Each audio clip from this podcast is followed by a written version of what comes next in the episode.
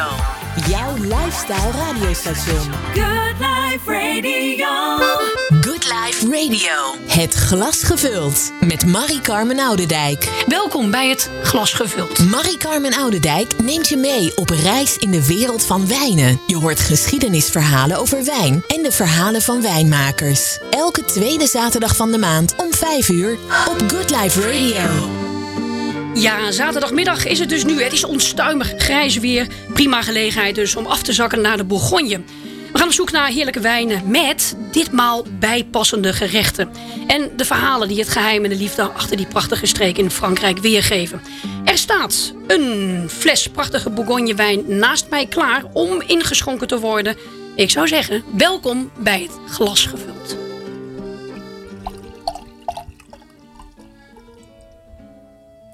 Ja, en in deze uitzending wijnauteur en Bourgogne-liefhebber Gert Krum. Gert, welkom. Fijn dat je de glazen al gevuld hebt. Straks schuiven ook eigenaar en wijnleverancier Richard Bentgens van de Wentges van de Bourgogne Express aan. En chef de cuisson culinaire columnist Sheila Struik. Maar Gert, jij hebt de glazen gevuld voor technicus Ron en voor mij. Waarmee? Met de Montagny Premier Cru 2018 van François Bertenet. En waarom heb jij ons deze ingeschonken? Uh, Montagny is een hele leuke cru voor witte bourgognes. Veel minder bekend dan de erg dure Puligny, Montrachet en Meursault en dergelijke uit de Côte d'Or. Nee, we hebben gekozen voor een wijn die nog een beetje in de schaduw staat. Uh, maar wel ook al uit de schaduw komt. Uh, Montagny is een appellation bestaande uit vier dorpen. Het belangrijkste dorp is Bussy, althans qua omvang. Het belangrijkste dorp qua kwaliteit is Montagny, Le Bussy. Bussy. En dan heb je nog Saint-Valerin en Julien Le Bussy. Het zijn vier dorpen, bij elkaar 440 hectare. En eigenlijk bijna totaal beplant met Chardonnay en dus witte Bourgogne. Uh, van een zeer goed niveau. Misschien niet Champions League, maar zeker eredivisie. Nou, dat is een, uh, een, een lekkere omschrijving, Gert. Uh, wij hebben hem klaarstaan. Wij gaan hem even rustig proeven, Ron. En dan gaan we daar later even onze, onze mening over geven. Ik ben heel benieuwd. Ja, dat dacht ik ook. Gert, um, wijn maken, dat is natuurlijk gewoon een, een continu proces. Het gaat maar door. We zitten nu in, uh, in maart. Uh, ik zei het net al, het is onstuimig weer. Um, in wat voor fase zitten de wijnmakers nu? Ja, als het goed is, hebben ze nu wel de snoei uh, afgerond. snoeien doe je vaak in het najaar al, na de oogst, in november en dergelijke. En dan daarna is, de, is het echt slapen voor de wijnstok in de wintermaanden. Officieel tot de derde week van januari. Saint-Vincent. En dan zou de sapstroom weer omhoog komen. Maar dat is natuurlijk niet zo, dat is later. En dan wordt er nog gesnoeid in februari, het liefst in maart. Dat is eigenlijk de beste periode. Maar ja, ook andere werkzaamheden uh, komen op de wijnboeren af. Het snoeien is nu klaar. En dan heb ik het over het fine-tunen. Elke stok is als een kind. En het ene kind is altijd anders dan het andere. Dus je kunt maar niet met de ogen dicht snoeien. Je moet ze echt bekijken. De een moet je over de bol aaien. De andere moet je streng aanpakken. Nou, zo moet je naar een wijnstok kijken als je snoeit. Dat is nu afgerond. En ja, nou is het wachten. Uh, dat hangt ervan af natuurlijk. Uh, of het voorjaar mooi is of minder mooi. Dat de wijnstok gaat beginnen uit te botten. En uh, de afgelopen jaren was dat vaak heel vroeg. Al in maart. dit jaar is het gelukkig wat later. En, en waarom zeg je dan gelukkig? Ja, want hoe eerder de wijnstok uitbot, hoe groter de risico's dat er straks nog nachtvorsten komen, vorst aan de grond, hè, tot aan de ijsheilige toe. En het is niet anders dan de fruitteelt in de Betuwe of waar dan ook. Dan, dan, dan, dan ja, door de vorst brandt als het ware het jonge groen weg. En dan is eigenlijk al, kan het al in april voor de rest van het jaar voorbij zijn dat de vorst een spelbreker kan zijn. Hè? Dat is natuurlijk uh, vaak gebeurd. Wat is nou uh, het ergste moment geweest in de geschiedenis dat zoiets gebeurde? En wat ook fataal was voor, uh, voor de oogst? Nou, je, je, hebt natuurlijk twee soorten vorst. in, in 1956 en in 1985 had je echt die wintervorst. Eh, dat zijn ook jaren van de Elfstedentocht natuurlijk geweest. Eh, en de, de wintervorst dan in Frankrijk van min 20 of nog erger, nog lager. En dan bevriest de wijnstok zelf. En dan, ja, dan, dan gaat die meestal dood. Soms herstellen enkele stokken, maar de meeste gaan dan toch dood. En dan moet je gewoon gaan herplanten. En, en dan ben je vijf jaar verder voordat je weer kunt gaan produceren. Dus dat is echt bedrijfsmatig gezien rampzalig. Maar waar we net over spraken is vorst aan de grond. En dat is dan min 3, min 4, min 5 in de allervroegste uurtjes van de ochtend. Eh, en dan gaat niet de stok dood, maar dan brandt als het ware het jonge loof, dat net begint uit te botten, brandt weg. En eh, ja, dat, dat is een groot, eh, een groot dreigement met, met de klimaatwisseling. Want met de klimaatverandering. Want de, de winter wordt korter, het voorjaar komt vroeger. We hebben echt de afgelopen jaren hele mooie voorjaren gehad. De afgelopen drie jaar, hè, die waren toch echt anders. Ja, nou ja. Eh, het, het, het- bepaalde dorpen in de Bourgogne en ook eh, van Chablis tot en met het, het zuiden hebben gewoon de helft van hun, vorst, van hun eh, oogst verloren al in, in die periode. En sommigen zelfs meer dan de helft. In die periode vroege voorjaar. Ja, dat is desastreus. Nou, laten we hopen dat dat nu allemaal eh, een Het, beetje... het, voorjaar, het voorjaar is wat later, lijkt Ja. het, hè, tot nu toe, tot vandaag. Ja. Het kan zo volgende week veranderen, maar dan toch hebben we twee weken vergeleken bij vorig jaar of bij andere jaren, de recente andere jaren, lopen we al wel eh, redelijk in de maat voor een eh, minder risicovol eh, voorjaar. Heel even, we zitten natuurlijk in een tijd. Jij bent eh, ook eh, Bourgogne-expert. Jij gaat eh, heel veel daar naartoe. Ehm, hoe zit dat eigenlijk? Jouw eh, tripjes naar de Bourgogne? Nou, ik zou daar eh, eh, begin april zijn, komend, eh, komend, komend begin april. En dan half april weer. En ik zou daar vorig jaar april zijn geweest. En dan de rest van het jaar ook nog wel een paar keer. Maar ik ben er nu al eh 14 maanden, sinds januari 2020, niet meer geweest. Eh, behalve één begrafenis. Ah. Van het zomer, toen was er geen lockdown. Ja. En toen was er een hele oude mevrouw, 98 jaar, mijn Burgondische moeder. Mijn Burgondische moeder eh, is overleden.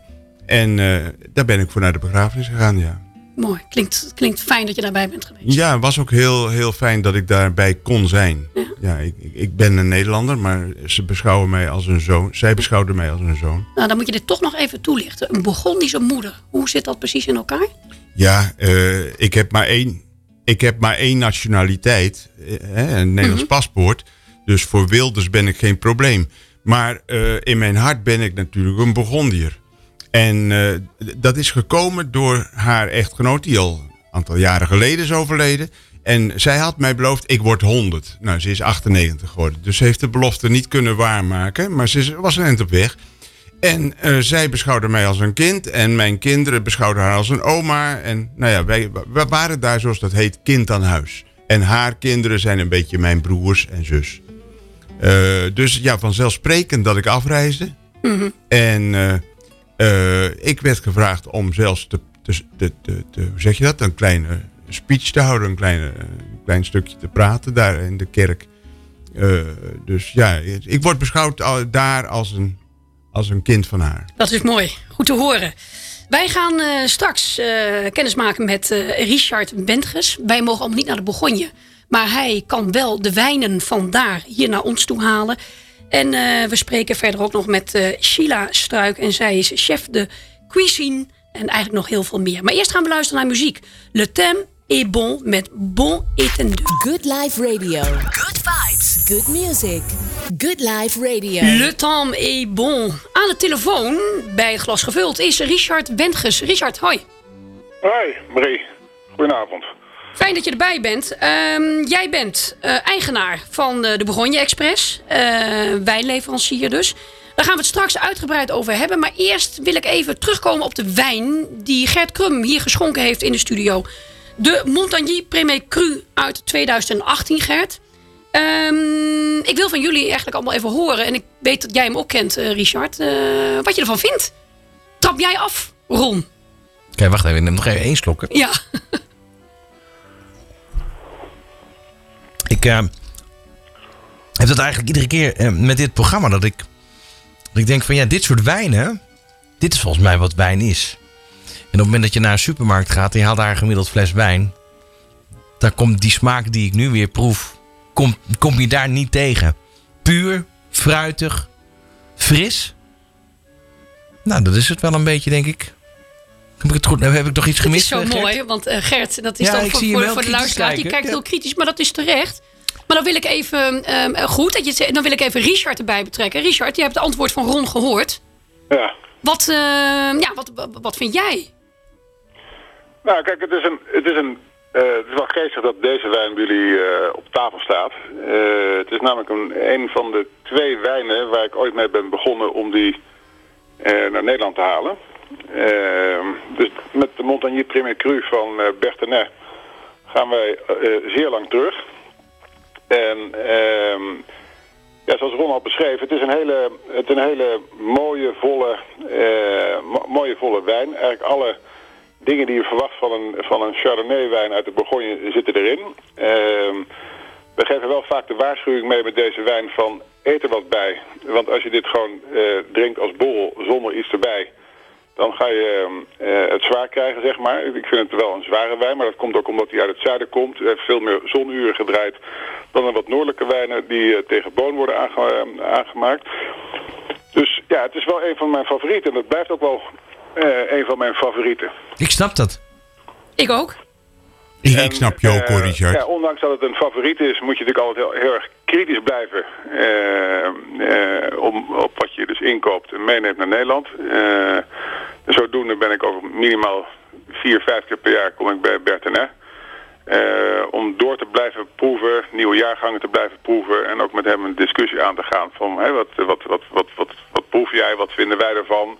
En dat zie ik ook in, eh, dat je kan natuurlijk met alle data van verkoop kan je ook zien van wordt het nou minder verkocht of wordt het meer verkocht.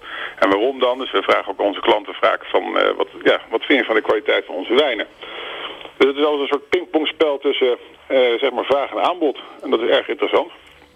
Ja, en daar, ben je dus al twee, ruim twee jaar mee bezig. Maar waar komt jouw liefde eigenlijk voor de Bourgogne vandaan?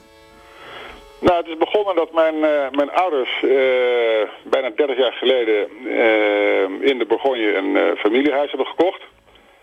En dus ja, daar is de liefde ontstaan. Mijn vader was een groot wijnliefhebber.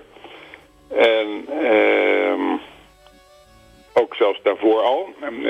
Werd er altijd goede wijn gedronken bij ons thuis.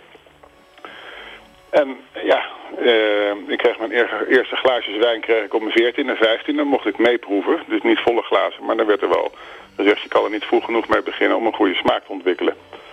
Nou, en eenmaal hier neergestreken in de Bourgogne eh, heeft mijn vader eh, eh, zeer veel kilometers gemaakt eh, eh, de Bourgogne door op zoek naar, naar goede wijn. En eh, hij was afhankelijk van de tips van zijn tennisleraar of van de notaris, van de aannemer. En zo kwam hij eh, ja, de meest gekke, vreemde, kleine, onbekende huizen tegen met, eh, met zeer goede wijn. En dat werd dan hier binnengedragen en dat mocht ik dan braaf met hem in de kelder leggen. En dan werd er een eh, fles opengetrokken en dan mocht je meedrinken en dan mocht je er wat van zeggen. Maar dat was dan nog een beetje de hobby. En jij hebt daar uiteindelijk nu dus je werk van gemaakt. Ja, ja dat begint natuurlijk altijd klein. Eh, ook qua budget, hè, want eh, ehm, toen we hier neer, neerstreken was ik net student af uit mijn hoofd. En dan heb je natuurlijk helemaal niks te, te besteden. Dan kreeg je, als je dan terug naar Nederland ging, kreeg je een doosje wijn van pa achterin van eh, dat is goed voor je. En gaandeweg ehm, ehm, ja, begon ik steeds meer wijn mee te nemen. Eh autootje vol, eh busje huren, busje vol. eh, grotere bus huren. En nu hebben we gewoon een transporteur die, die het op pallets naar, eh, naar Nederland brengt. Dus het is inderdaad eh, van klein tot, tot groot gegroeid. En wat is dan bij jou uniek zeg maar, aan, aan de wijnen? Waarom zouden wij die wijnen van, van jou afnemen? Het is dat ik, ik doe zaken met voornamelijk kleine onbekende huizen. die dus niet op de radar staan van grote inkooporganisaties. En dat is heel simpel uit te leggen. De grote inkooporganisaties hebben gewoon volume nodig om dat in hun retailkanalen eh, te kunnen aanbieden. Eh, en mijn huizen die produceren daar niet de, niet de volumes voor. En eh, het komt ook doordat mijn eh, Franse compagnon Regis eh, nogal zeer streng is op, eh, op de prijs-kwaliteitverhouding. Dus ik proef met hem hele mooie wijnen, maar die vinden wij dan gewoon te duur. Eh, die kunnen we zeker verkopen, maar niet voor mijn, eh, voor mijn klanten. Dus als er een vraag naar is, dan gaan we dat zeker wel regelen. Maar hoofdzakelijk is het zo dat wij blijven zoeken, zeg maar naar de speld in de hooiberg... van waar kunnen we nou kwalitatief hele goede wijn krijgen die nog gewoon betaalbaar is. Want wij vinden gewoon dat een goed glas Bourgogne gewoon elke dag in principe op tafel moet kunnen komen te staan. Ehm, Gert, jij eh, zoekt natuurlijk ook eh, veel naar wijnen. Ja, nu dus even niet, zei je, hè, door corona. Maar ehm, ik ben, ik, ik- kennen jullie elkaar? Nee, ik ken Richard niet. Eh, Richard heeft een compagnon, zegt hij, Regis. Eh, ze werken dus vanuit de Bourgogne. Ik ken veel Nederlandse wijnhandelaren. Ik ken wel de site van de Wijnexpress. Die ken ik wel. Maar Richard persoonlijk niet. Nou, dat moet nog gaan. maar we hebben, we hebben één keer contact gehad omdat ik heel graag een wijnboekje van je wilde hebben, wat helaas uitverkocht was. Ja, och ja, nou je het zegt, ja. Eh, Het komt eraan. Eh, je hebt me bijna zover gekregen dat ik. Nou, misschien wel dat opnieuw ga maken. En dan in een wat groter geheel. Deel 1, deel 2, deel 3 in één bundel. Dus van Chablis tot en met Saint-Ferrand. Van het noorden in de Bourgogne tot het zuiden in de Bourgogne. Eh, in één boek. Eh, Ja, dat lijkt me, een, eh, lijkt me meer dan een goed idee. ja, maar dan moet ik eerst monnik worden. Zo pittig is die klus. Ja, de Bourgogne is, en dat weet jij als geen ander, Richard, is eh, heel ingewikkeld, eh, is zeer divers. Eh, en als je dat toch kritisch wil benaderen, dan, dan moet je wel heel veel onderzoek doen. En ik- Ja. er is niks leuker dan dat. Er is niks leuker dan dat, maar het vraagt vreselijk veel tijd. En eh, ja, nu zijn we ook even eh, niet online door corona natuurlijk. Dus Maar goed, ik heb toch Ik, ik, gehoord. ver- ik vergelijk de Bourgogne altijd van het begint bij, zeg maar, ten zuiden van, eh, van Dijon bij Marsenet. En daar begint de jungle. En het enige wat je kan doen is je kapmes meenemen. En dan metertje voor metertje eh, de boel ontginnen. Ja, dat is een manier. Ik vind jouw omschrijving eigenlijk vriendelijker dan de mijne. Eén één andere optie heb ik, één andere visie heb ik. Eh, voor mij begint de Bourgogne dus echt eh, nou ja, op de grens van Champagne en Bourgogne. Dus bij Châtillon en bij Chablis. Eh, Maar jouw omschrijving van een jungle met een kapmes is toch wel weer vriendelijker dan de mijne. Ik noem de Bourgogne een mijnenveld. Dat eh, begrijp ik. Ja. Dat begrijp ik. Dus dit, maar goed, het mogen dus duidelijk zijn. Het is hartstikke moeilijk. En eh, wij zijn erbij gebaat eh, dat we daarin geholpen worden. En dus, als Richard jouw boekjes eh, al heeft... en trouwens, die ken ik ook, die boekjes. ik zou zeggen, gas erop. Ik ga erover nadenken. Helemaal goed. Ehm, wat ik heel erg leuk vind, is dat we hebben het nu over begonje wijnen. Maar ik zou er zo graag ook wat eten aan gaan koppelen.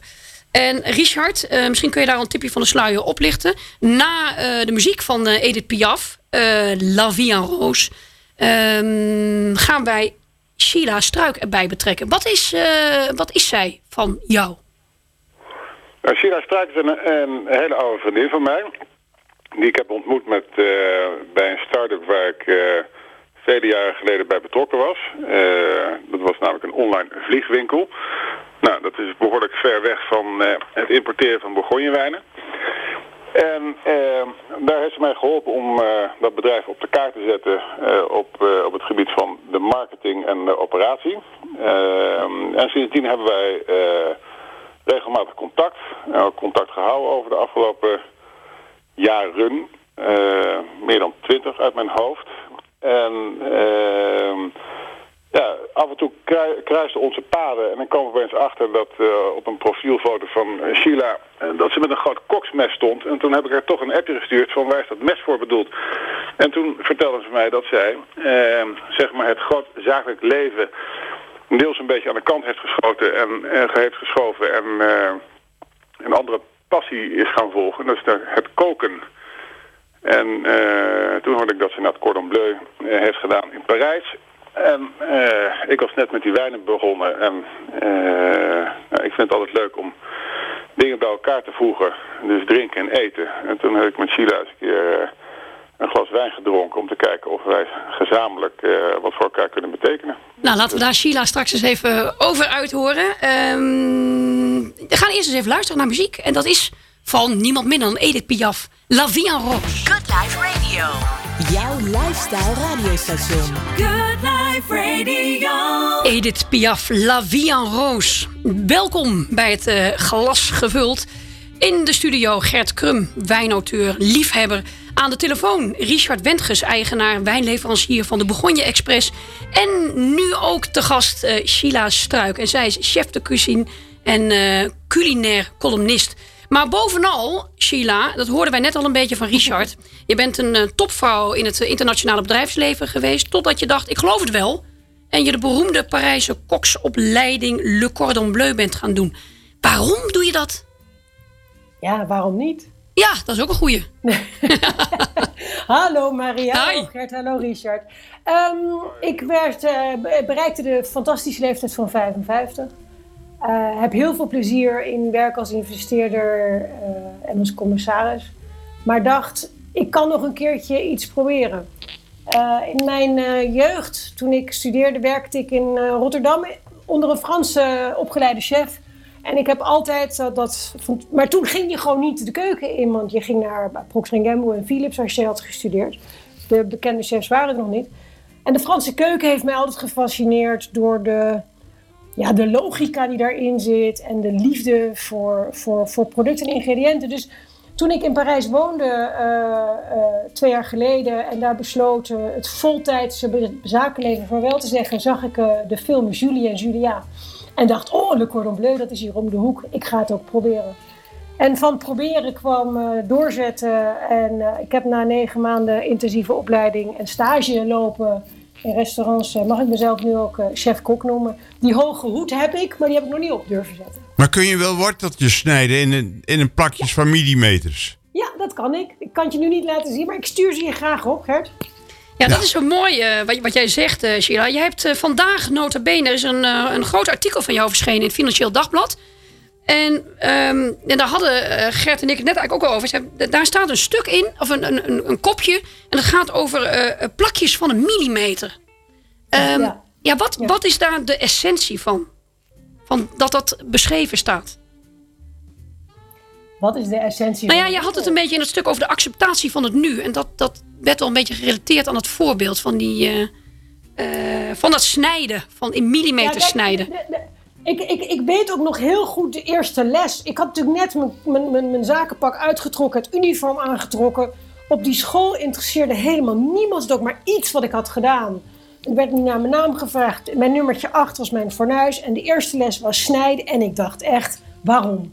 Wat doe ik hier? Ik kom hier toch om sous vide te leren en om met nitrogen te werken. En die les ging over inderdaad Gert, in 3 mm plakjes snijden. De brunoise, hè, dat zijn blokjes van 3 mm, van, 3 mm, van worteltjes en, en bleekselderij. En, en ik vond dat ik dat best goed deed. En ik had de soep gepresenteerd. En de chef zei, mais non, c'est pas... euh, Kom voor. bon. C'est pas bon, c'est pas joli. En ik heb dat nooit, toen begreep ik het niet. Ik dacht, hoezo moet ik me met die stomme basis bezighouden? Maar, maar, maar nu ik me daar verder in verdiept heb, is de schoonheid van die 3 mm blokjes is, is heel belangrijk. Het eerste is, het gaart allemaal op dezelfde manier. Het tweede is, het is prachtig voor het oog. Maar het derde, dat is het belangrijkste, en dat refereert ook aan wat Gert net vertelde en ook wat Richard zegt. Het gaat over je concentreren op een wortel.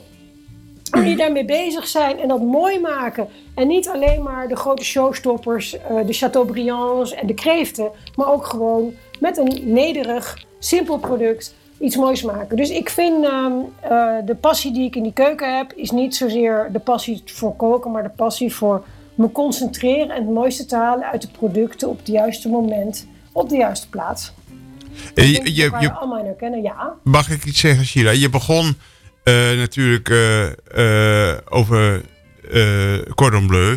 En ik interveneerde over die worteltjes. Maar nou ben ik toch wel benieuwd. Heeft Cordon Bleu jouw interesses veranderd? Eh, was je eerst eh, als eh, amateur-chef eh, bezig met, met, met, laten we zeggen, de, uh, de resistance, de, de, de, de entrecotes, eh, andere vlezen, eh, de vissen, de tarbots, noem maar op. En ben je nu een, nou ja, ik overdrijf natuurlijk een beetje, maar de vraag is duidelijk, ben je nu eerder een groentekok?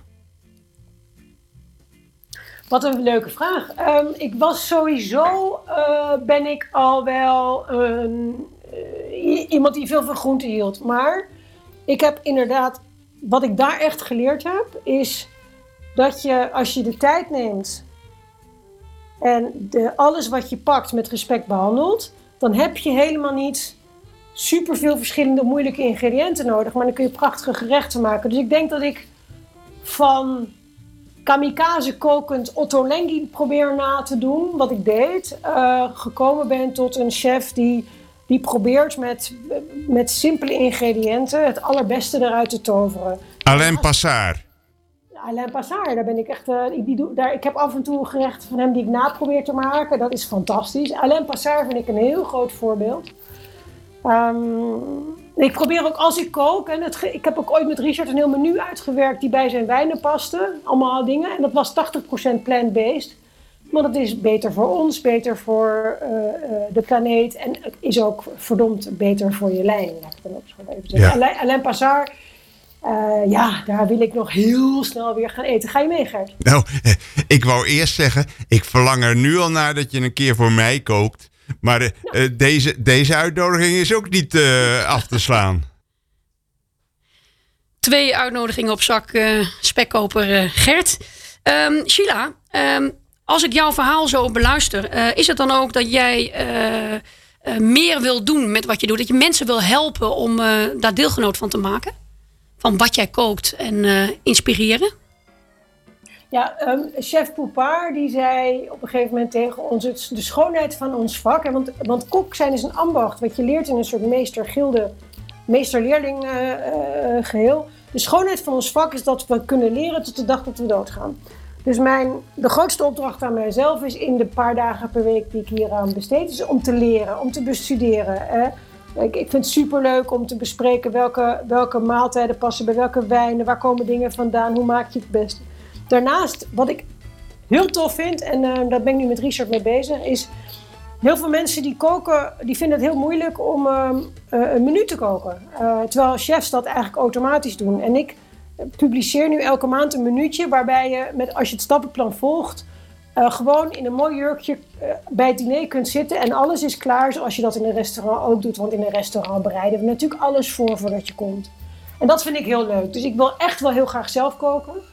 Um, maar ik wil vooral bezig zijn met, met terroir, met producten, met de tijd. Met, en met mensen zoals jullie wil ik gewoon de hele dag kletsen. Eigenlijk is dat wat ik wil. Heerlijk is dat. En als ik, als ik nu zeg, die, die, wij zitten hier in de studio. Trouwens, die glazen worden heel sympathiek. Ik dacht even, Gert, dat jij weer inschonk. Maar toen zet je hem toch weer terug. Maar die Montagny Premier Cru, die wij ja. nu drinken. Ja. Uh, zou je daar uh, iets bij kunnen zeggen wat wij daar nou bij zouden kunnen eten? Want Richard zei het is beter om er iets bij te eten. dat is heel verstandig van Richard. Um, ik zou daarbij, uh, heb ik ontwikkeld, en dat hebben Richard en ik ook al voorgeproefd, de, de heel gek gegrilde pompoen past hier heel goed bij. Ik um, zie... Dus het, het, het gerecht wat ik daarbij zou serveren, als je nu bij mij in de keuken stond, zou je van mij een ravioli met uh, pompoen, uh, amarettini en pecorini krijgen. Uh, met wat beurre erbij. Dus veel uh, crèmige, romige smaken. Met een kleine bittertje van de amandel wat daar in die amarettini zit. En ja, pompoen. Dus een beetje rozig ook. Uh, sorry, oranje. Roze, hoe kom ik daar nou bij? Oranje. is dat wat? Ja, nou ja, goed. Ik bedoel, Gert die, die is al volgens mij aan het wegdromen. Gert? nee, nee, ik zit te genieten. Want het is precies wat als ik de wijn proef dan dan, dan, en jij noemt die uh, gegrilde pompoen en je noemt de beur noisette. En uh, nou, dat zijn precies de, tonen die ik in deze wijn ontdekte.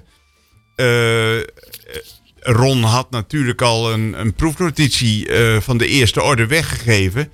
Maar één dingetje ontbrak in zijn, in zijn commentaar. Dat was dat het een hele rijke wijn is met licht geroosterde tonen. En jouw, jouw recept of jouw gerecht uh, in theorie, ik proef het voor me met deze wijn. Ja, en dat is, je kunt het contrast zoeken. Jij zoekt nu de harmonie. Ja, ja, dat vind ik leuk. Soms de harmonie en soms er tegenin. Prachtig. Inderdaad elkaar versterken. Ja. Nou, dan wil ik daar even een eh, mooie opdrachtje aan eh, koppelen. Ehm, even straks naar de muziek. Ehm, Sheila en Richard. Gewoon even drie wijnen. Een witte, een rode en een cremant. En gekoppeld aan een, eh, aan, een, eh, ja, aan een mooi gerecht. Ik eh, daag jullie uit. En dan gaan wij even luisteren naar Michel Sardou met Le Vieux Marie. Het nieuwe lifestyle radiostation voor iedereen. Dit is Good Life Radio. Michel Sardou met Le Vieux Marie. Wat heel mooi geknipt. Ehm, luister, Richard Wentges, Sheila Struik. Jullie hebben drie wijnen met eh, bijpassende gerechten samengesteld. En ik stel voor dat we met eh, de wijn eh, beginnen. En dat jij Sheila aanvult. Maar goed, jullie kennen elkaar goed. Dus doe wat je wilt. Richard, het woord is aan jou. We mogen door elkaar heen kletsen. Jazeker. Maar wil je, wil niet zo- zo'n eh, zo'n bingo eh, draaidingetje horen van wat wordt de eerste wijn? Of starten wij met een willekeurige wijn of rood-wit of de cremant? Nou ja, dat mag jij bepalen. Nou, dan starten wij sowieso, denk ik, met de rode. Zullen we de volgorde eens omgooien? Dat we gewoon... de, meeste mensen beginnen met een, met een, met een, een drankje met wat bubbeltjes erin. Gaan dan naar wit en gaan dan naar rood. Zullen we het gewoon eens omdraaien? Oké, nou jij bent de baas. Dan beginnen wij met een Cremant de Bourgogne van Vito Alberti. Een Blanc de Blanc. Welk gerecht heb je daarvoor eh, klaarstaan? Ja, die, die gaan we dus bij het toetje serveren. Ja, dat Bij het dessert. andersom. Ja, andersom. Ik vind namelijk dat we... eh, ik heb als eh, dessert voor deze maart de rabarber frangipaan. Rabarber komt nu net bij de groenteboer weer terecht. Apropos, rabarber is groente en geen fruit. En eh, het is een mooi taartje, maar met veel amandel en boter. En eh, toch een beetje dat, dat mollige van die rabarber. En ik denk dat die eh, fantastisch tot zijn recht komt bij die cremant. Dus ik, ik wil liever dat we ermee eindigen dan dat we ermee beginnen. Mag dat? Dat mag zeker. Dan, eh, dan parkeren we deze even voor straks en dan pakken we hem even terug. Dan beginnen we met een, witte wijn. Een Macon Locher van Clos de Roc. Ja, die is fijn hè. Die hebben we samen volgens mij ook geproefd. Ehm, die wil ik heel graag, eh, daar zou ik de ossobuco, een ossobuco mee maken. En daarbij een, een safraan risotto. Dus we gaan eigenlijk, eh, we komen elkaar in het midden tegen. Ehm, deze ossobuco maken we met witte wijn. Dus pas op hè mensen, als je, een, eh, wit- als je kookt met wijn, eh, onthoud dan dat je het nog beter proeft of het een goede wijn is of niet, dan als je het gewoon in je glas drinkt. Dus Wat bedoel je, wat bedoel je Sheila, met koken met wijn? Dat je tijdens het koken een glas drinkt? Nee, in, ja, dat ook. Maar als je in het gerecht wijn gebruikt, hè, bij, en bij risotto en bij ossobuco gebruik je wat wijn, gebruik daar ook goede wijn. Want het is, iedereen gooit daar zijn, zijn, als je niet oppast, gooien mensen daar hun restjes in. En dat proef je gewoon, want je kookt het in. Je, je versterkt de smaken, dus, dus doe jezelf een plezier. En gebruik ook bij het koken de goede wijn. Dus, dus, dus Richard, ik zou bij die, bij die Macon wil ik echt heel graag eh, jou, eh, als we elkaar weer zien, een, een ossobuco serveren. Eh, met de safran risotto. Maar Richard, kun jij dan ook nog even iets meer over die Macon zeggen? Dat we even die, Ja. die smaken van de wijn en die gerechten eh, eh, horen nu. Ja, kijk, Macon, eh Macon Locher, eh, dat is een van de meest zuidelijke eh, witte eh, wijnen uit de Bourgogne. En het, eh, het aangename is, als je praat over Bourgonjewijnen, is heel simpel. Alle witte wijnen zijn eh, gemaakt en principe op Chardonnay druiven. En alle rode wijnen op basis van de Pinot Noir. Dus als iemand tegen mij zegt van, eh, ik hou niet van witte bourgonjewijnen, geef mij maar een Chablis. Nou, heel toevallig, Chablis wordt ook gemaakt van Chardonnay druiven. Maar goed, eh, daar stinken heel veel mensen in. Maar ehm, ja, kijk, het is heel simpel en eh Gert zou er het waarschijnlijk met me eens zijn. Hoe zuidelijker je komt eh, qua witte wijn, ze hebben meer zonuren te pakken. kunnen hoog in de alcohol afkomen, hoog in de suikers. Ehm, eh, zijn vaak complexe wijnen. En Ehm ja, waar ik altijd voor waak is dat je niet van die hele zware, eh, op op, zeg maar, op eikenhout gelagerde witte wijnen gaat drinken. Want dan is het vaak het hout is, geeft, de, eh, geeft de overkill eh, in de afdronk. Dus ik ben met Regis, met mijn eh, compagnon, altijd op zoek naar mooie, volle, toch wat, iets wat frisse wijnen. En ik vind deze Macon Locher eh, eh, typerend in deze hoek zitten. Het is een, het is een, een diepgele kleur. Dan denk ik, het komt een hele zware rammer komt er op tafel. Maar het, het heeft een, ja, een bepaalde frisheid. eh, vol en zacht. En eh, ik vind dat een hele aangename wijn om te drinken. En Gert, wat vind jij van, van deze combi? Die, ehm, Eh, nou, kijk, Macon Locher is eigenlijk een kleine, mag ik het zo zeggen, kleine Pouilly-Vissé. Locher ligt tegen Pouilly aan en tegen Vissé aan en zo. Eh, maar het is een Macon. Dus een iets eenvoudiger appellation. Maar ik weet niet welk jaar, welk jaar Richard schenkt. Maar het is gewoon een jaar, bijna altijd is daar het licht en de warmte net al een beetje mediterraan. Dat, dat merk je aan de keuken, dat merk, je aan de daken van de huizen. De buurt van Macon heeft al iets mediterraans. En dat hebben die wijnen ook al. Maar ze hebben tegelijkertijd die frisheid en de mineraliteit van eh, de Bourgogne. Eh, dus de wijn die wacht zie even, wat, wat zei jij, ehm Sheila? Ik hoorde je niet goed.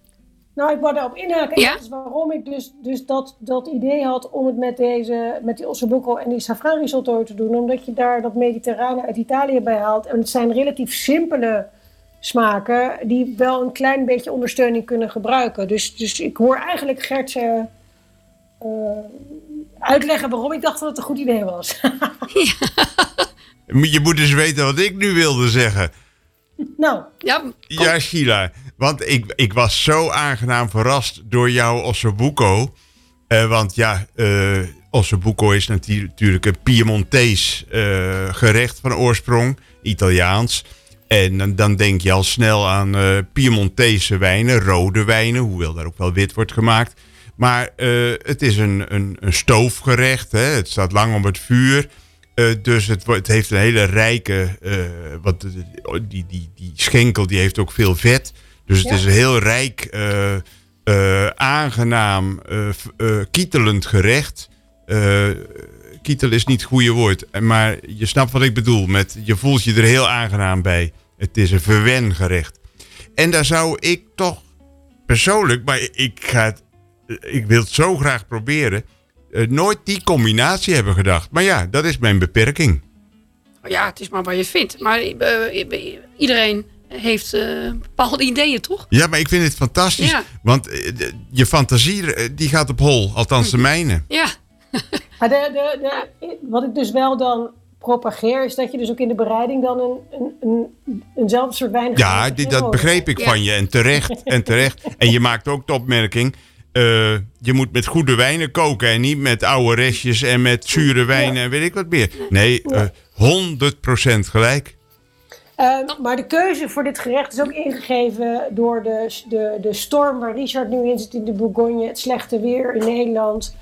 Eh, laten we nou nog heel even genieten van ehm, eh, de stoofachtige en Ja. de verwarmende gerechten voordat we weer naar het voorjaar gaan. Hè? Dus, dus wat dat betreft. En ik, maar het klopt, het is een beetje de contradictie die ik hier zoek. Ja, Ik leuk. ben benieuwd wat je ervan vindt als we het proberen. nou, Ja, dat, dat, ja. dat gaan we dan zeker doen. Dat zit daarin. Ik wil even de, de, de rode wijn eh, erbij halen, Richard. En dan weer het gerecht van Sheila. Ja, nee, dat was ook wel mooi dat, dat, dat Sheila op zoek was naar een compromis. Hè, van we vinden elkaar in het midden.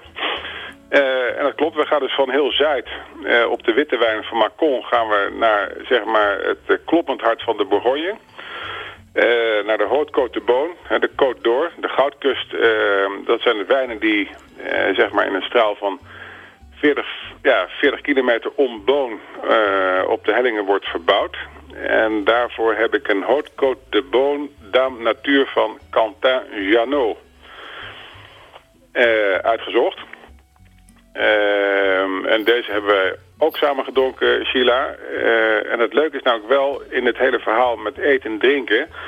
is dat tijdens het koken eh, van de gerechten... eh, stonden natuurlijk meerdere flessen wit en meerdere flessen rood open... dat we meerdere ja, op, op, het, zeg maar op het gerecht elke keer een wijn konden proeven van komt dat in de buurt van, ehm, ja, zeg maar, het ultieme compromis tussen wijn en eten. En dan vielen de wijnen af en dan zeiden we van ja, hier moet wild bij zitten of hier moet iets, eh, iets anders bij zitten.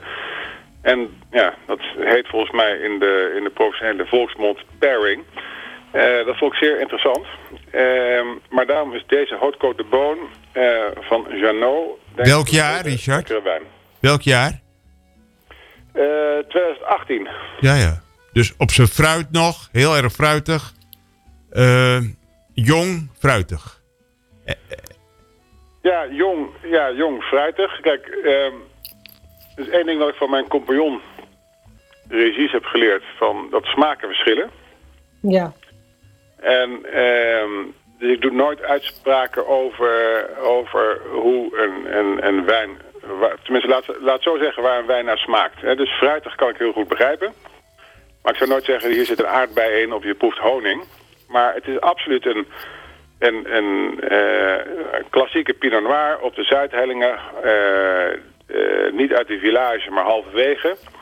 Dus die kan hoger komen qua smaak. Maar het is eigenlijk een allemans vriendje. En daarom is het interessant, want je kan hem heel koud drinken, maar je kan hem ook prima op zeg maar, kamertemperatuur met een zwaar gerecht kan je hem drinken. Als een mooi tegengewicht tegen een zwaar gerecht. Nou, Eh, en nou zeg jij, Richard, gerecht. En nou ben ik toch langzaamaan wel heel erg nieuwsgierig naar dat gerecht wat, eh, wat jij hierbij eh voor ogen hebt, eh, Sheila. Ja, ik ben, ik ben als chef dol op de Pinot Noir. Want zoals Richard al zegt, hij beweegt mee. En hij is niet, het is niet een wijn met een enorm ego. eh, maar hij kan wel eh, enorm aanvullend werken. En wat, wat we het afgelopen jaar gedaan hebben in het restaurant waar ik werkte... is we hebben eh Pinot Noir-achtige geserveerd volgens de Franse eh, en ook in andere landen traditie dat het, dat het wat lager op temperatuur is. En dat is fascinerend. En ik zou dat iedereen willen aanraden om dat eens te proberen. Om gewoon eens te kijken wat er gebeurt als je die Pinot Noir op... eh, nou, wat zou je dat daarvan voor temperatuur voor nemen? 8, 9 graden. Ja, te drinken. En, en daarom wil ik dus de uitdaging die ik hierin heb bedacht, is ehm, dat, dat, dat jonge, dat sprankelende van die, van die eh, eh, wijn zou ik heel graag willen combineren met een carpaccio van gerookte biet. Dat ziet er fantastisch uit, apropos op je bord. En nu ga ik weer terug naar waar we het eerder over hadden, over met groente koken. Eh, het, lijkt, het ziet eruit als Bressola, maar ik zou je vertellen, het smaakt ook naar Bressola. En daarbij eh, zit dan een, een, een, een crème met wat mierikswortel en wat kappertjes. Dus het is best wel veel smaak. Maar niet heel veel, ehm, omdat het dus niet heel warm is. Het is gewoon een koud, het is niet heel warm, want het is een koud gerecht. Echt heel tof om dat te drinken met deze wijn daarbij op een wat lagere temperatuur. Gert, mag ik je punten daarvoor? Ja, eh, luister. Een carpaccio van biet, dat is niet eens 3 mm. Dat is een halve millimeter. Ja, met die Eh, kaasschaaf. Dat kan dus-. Dus ik, mijn punten gaan altijd tot 20, maar ik geef er 21 punten voor. Ja, nee, maar ik zie het voor me. Hè. De, de, de, de, de frisse, fruitige smaak ook weer van die biet. Hè, dat zoete van de biet. En dan toch eh, de, enerzijds een beetje het tegenhangen van de Pinot Noir. Want die heeft natuurlijk die heeft wel fruitzoet, maar die is niet echt zoet. De wijn is natuurlijk droog. Eh, ik vind 8, 9 graden wel heel, dan, wordt die, dan ben ik Koud, bang hè? dat hij dat die zich sluit. Dat hij zich sluit. Maar ik zou zeggen keldertemperatuur. Laat dat 12, Oké. 13 graden zijn. Eh, dat, ik denk dat de meeste mensen er al van schrikken. Dat ze een rode wijn op die temperatuur drinken. Maar oké, ik zou het graag willen ervaren eh, volgens jullie regels, Richard en Sheila. Ik vind het weer een hele verrassende en ja, voor zover ik me kan inbeelden, eh, ook passende, verrassende en tegelijkertijd passende combi. Dat is mooi, mooi om. eh, Ik zet net even. Ik had het eigenlijk willen opschrijven, jongens. Want ik wil hem eigenlijk even samengevat hebben. En ik, eh, Sheila, ik wil het toch even aan jou toevertrouwen. Zou je nog één keer even de drie gerechten van jou kunnen opnoemen? Simpelweg met de wijn ernaast. Of je dat in combi doet met Richard niet, maar even, even één, twee en drie. Ja, dat kan. Ja. Dan gaan wij. ehm, we beginnen in, de, in het menu wat ik voor zou stellen is eh, de carpaccio van gerookte biet. Eh, waarbij we dan drinken de Haute Côte de Beaune. Yes. En dan Natuur Janot. Daarna hebben we de ossobuco met uh, safraan risotto. En daarbij drinken we de macon loché. En als laatste hebben we de rabarber frangipane. En welke cremant hadden we daarbij, Richard? Vito Alberti. De Vito Alberti, exact. De Blanc Bru Vito Alberti. Heel goed, de Blanc. Nou, dit is fantastisch, jongens. Deze drie. Dankjewel voor het samenvatten, Sheila. Dit is uh, allemaal nu. Dit gaan we even samenvoegen. En dit is na te lezen op de site van uh, Good Life Radio, maar ook op de Begonje, Exp de Begonje Express en op uh, sheilastruik.nl. Ja. Hupsakee. Um, ik wil jullie hartelijk danken. De vraag. Ja? Uh, wanneer komt het mannetje met, uh, op de fiets met zo'n uh, grote rugzak om dit allemaal bij ons af te leveren? Want ik krijg wel honger.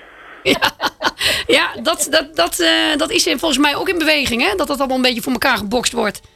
Ja, en nou, het, met dorst. Nou, het lijkt mij fantastisch. Ik wil daar zo nog wel even een vraag over stellen trouwens. Maar we gaan eerst even uh, luisteren naar muziek. En dan kom ik zo dadelijk weer uh, bij jullie allen terug. Um, u hoort Jacques Dautron en Il est 5 heures. Good Life Radio. Jouw lifestyle radiostation. Good Life Radio. Il est 5 heures van Jacques Dautron. Um, Sheila, ik wil eigenlijk even bij jou uh, de laatste vraag uh, neerleggen. Dat is, uh, zijn Bourgogne wijnen nou eigenlijk ideaal voor ja, de Franse keuken, voor de Franse koks? Ja, ik ben natuurlijk bevooroordeeld. Omdat ik met Richard samen zoveel van die wijnen heb ontdekt. maar de Pinot Noir en de Chardonnay, wat natuurlijk de basis van de Bourgogne wijnen zijn, over het algemeen druiven de, die, zich, die zich voegen. Um, um, dus ja, ik, ik, ik vind het altijd de beste combinaties. Ja, hè? Nou ja, dat is mooi. Dat willen we eigenlijk ook wel horen. Dat is helemaal goed. Um, Sheila en Richard, ik wil jullie uh, hartelijk danken voor jullie uh, inbreng uh, in het glas gevuld. En ik wil tot slot nog even mijn laatste vraag aan Gert stellen. Gert, jij hebt ons een prachtige wijn geschonken. Um, maar er is ook nog wel wat met etiket. Er, er, is nog net iets over te zeggen over die mooie Montagny Premier Cru. Ja, kijk, een etiket lezen is, uh, dat, dat vraagt eigenlijk wel een zekere training. Uh, zonder het te moeilijk te maken. Op een etiket staat veel en het heeft betekenis. En op dit etiket staat Montagny, grote letters. Mm -hmm. En dan moet je dus weten, oh, Montagny is een cru, een dorp. Niet in de Côte d'Or, het hart, het paradijs van de Bourgogne. Nee, in een gebied dat nu ontluikt, in de Chalonnais, het gebied ten zuiden van de Côte d'Or, wat nu ontluikt, wat altijd in de schaduw heeft gestaan, maar waar nu de trouvailles zijn te vinden. Dus Montagny is daarom al heel aantrekkelijk. Dan staat er vervolgens niet alleen Montagny, maar er staat Premier Cru. En dat is een beetje verwarrend, want dan denk je, oh, een Premier Cru, die zijn zeldzaam. Dat is overal het geval, behalve in Montagny. En dat is een hele leuke anekdote, ik zal hem kort vertellen de oorlog, de Tweede Wereldoorlog, de grens tussen uh, het Duits bezette gedeelte en het uh, door de Fransen nog, nou zeg maar, geregeerde gedeelte, Vichy-regering, die liep precies over de stad Chalon en dus over Montagny. En de Duitsers die haalden overal hun wijnen vandaan. Hè? Want uh, onder die grote kerels zaten veel liefhebbers. Uh, en ze, ze, trokken alle kelders leeg. Maar toen hebben de Fransen een afspraak gemaakt. Jullie mogen onze villagewijnen hebben. Maar jullie mogen niet aan onze Premier Crus en Grand Cru komen. En wat heeft Montagny toen gedaan? Meteen alles, nou bijna alles, uh, geclasseerd tot Premier Cru. Waardoor ze als het ware een muur opwierpen tegen de Duitse bezetters. Ja, en dat is tot de dag van vandaag nog het geval. Dus daar zit weinig ratio achter van de kwaliteit van die wijngaard. En die wijngaard is echt premier cru. Nee, dat was een beschermingsmaatregel. Niettemin zijn de Montagny premier crus, dat is ongeveer de helft van het totale areaal. Ja, toch wel. Er zit wel een zekere ja, ja. logica achter. Ja. Dan, nou, zijn het toch. dan nog een laatste woord. Op het etiket staat vieille vigne. Vieille vigne, wat, wat betekent dat nou weer? Dat simpel, oude wijnstokken. Vieille vigne, oude wijnstokken. En dat is net als met mensen. Ze zijn misschien niet meer zo springerig. Maar een, een wijn van vieille vigne heeft karakter. Heeft wijsheid. Heeft, heeft meer diepgang. Heeft meer diepgang. Want de wortels van een oude wijnstok gaan dieper. En halen dus meer van de, van, van, van de oorsprong van waar die wijnstok gestaan heeft. Halen meer in die wijn. Prachtig, hè? En daar eh, he- heffen eh, wij allemaal nog een keer die prachtige Montagny Premier Cru op.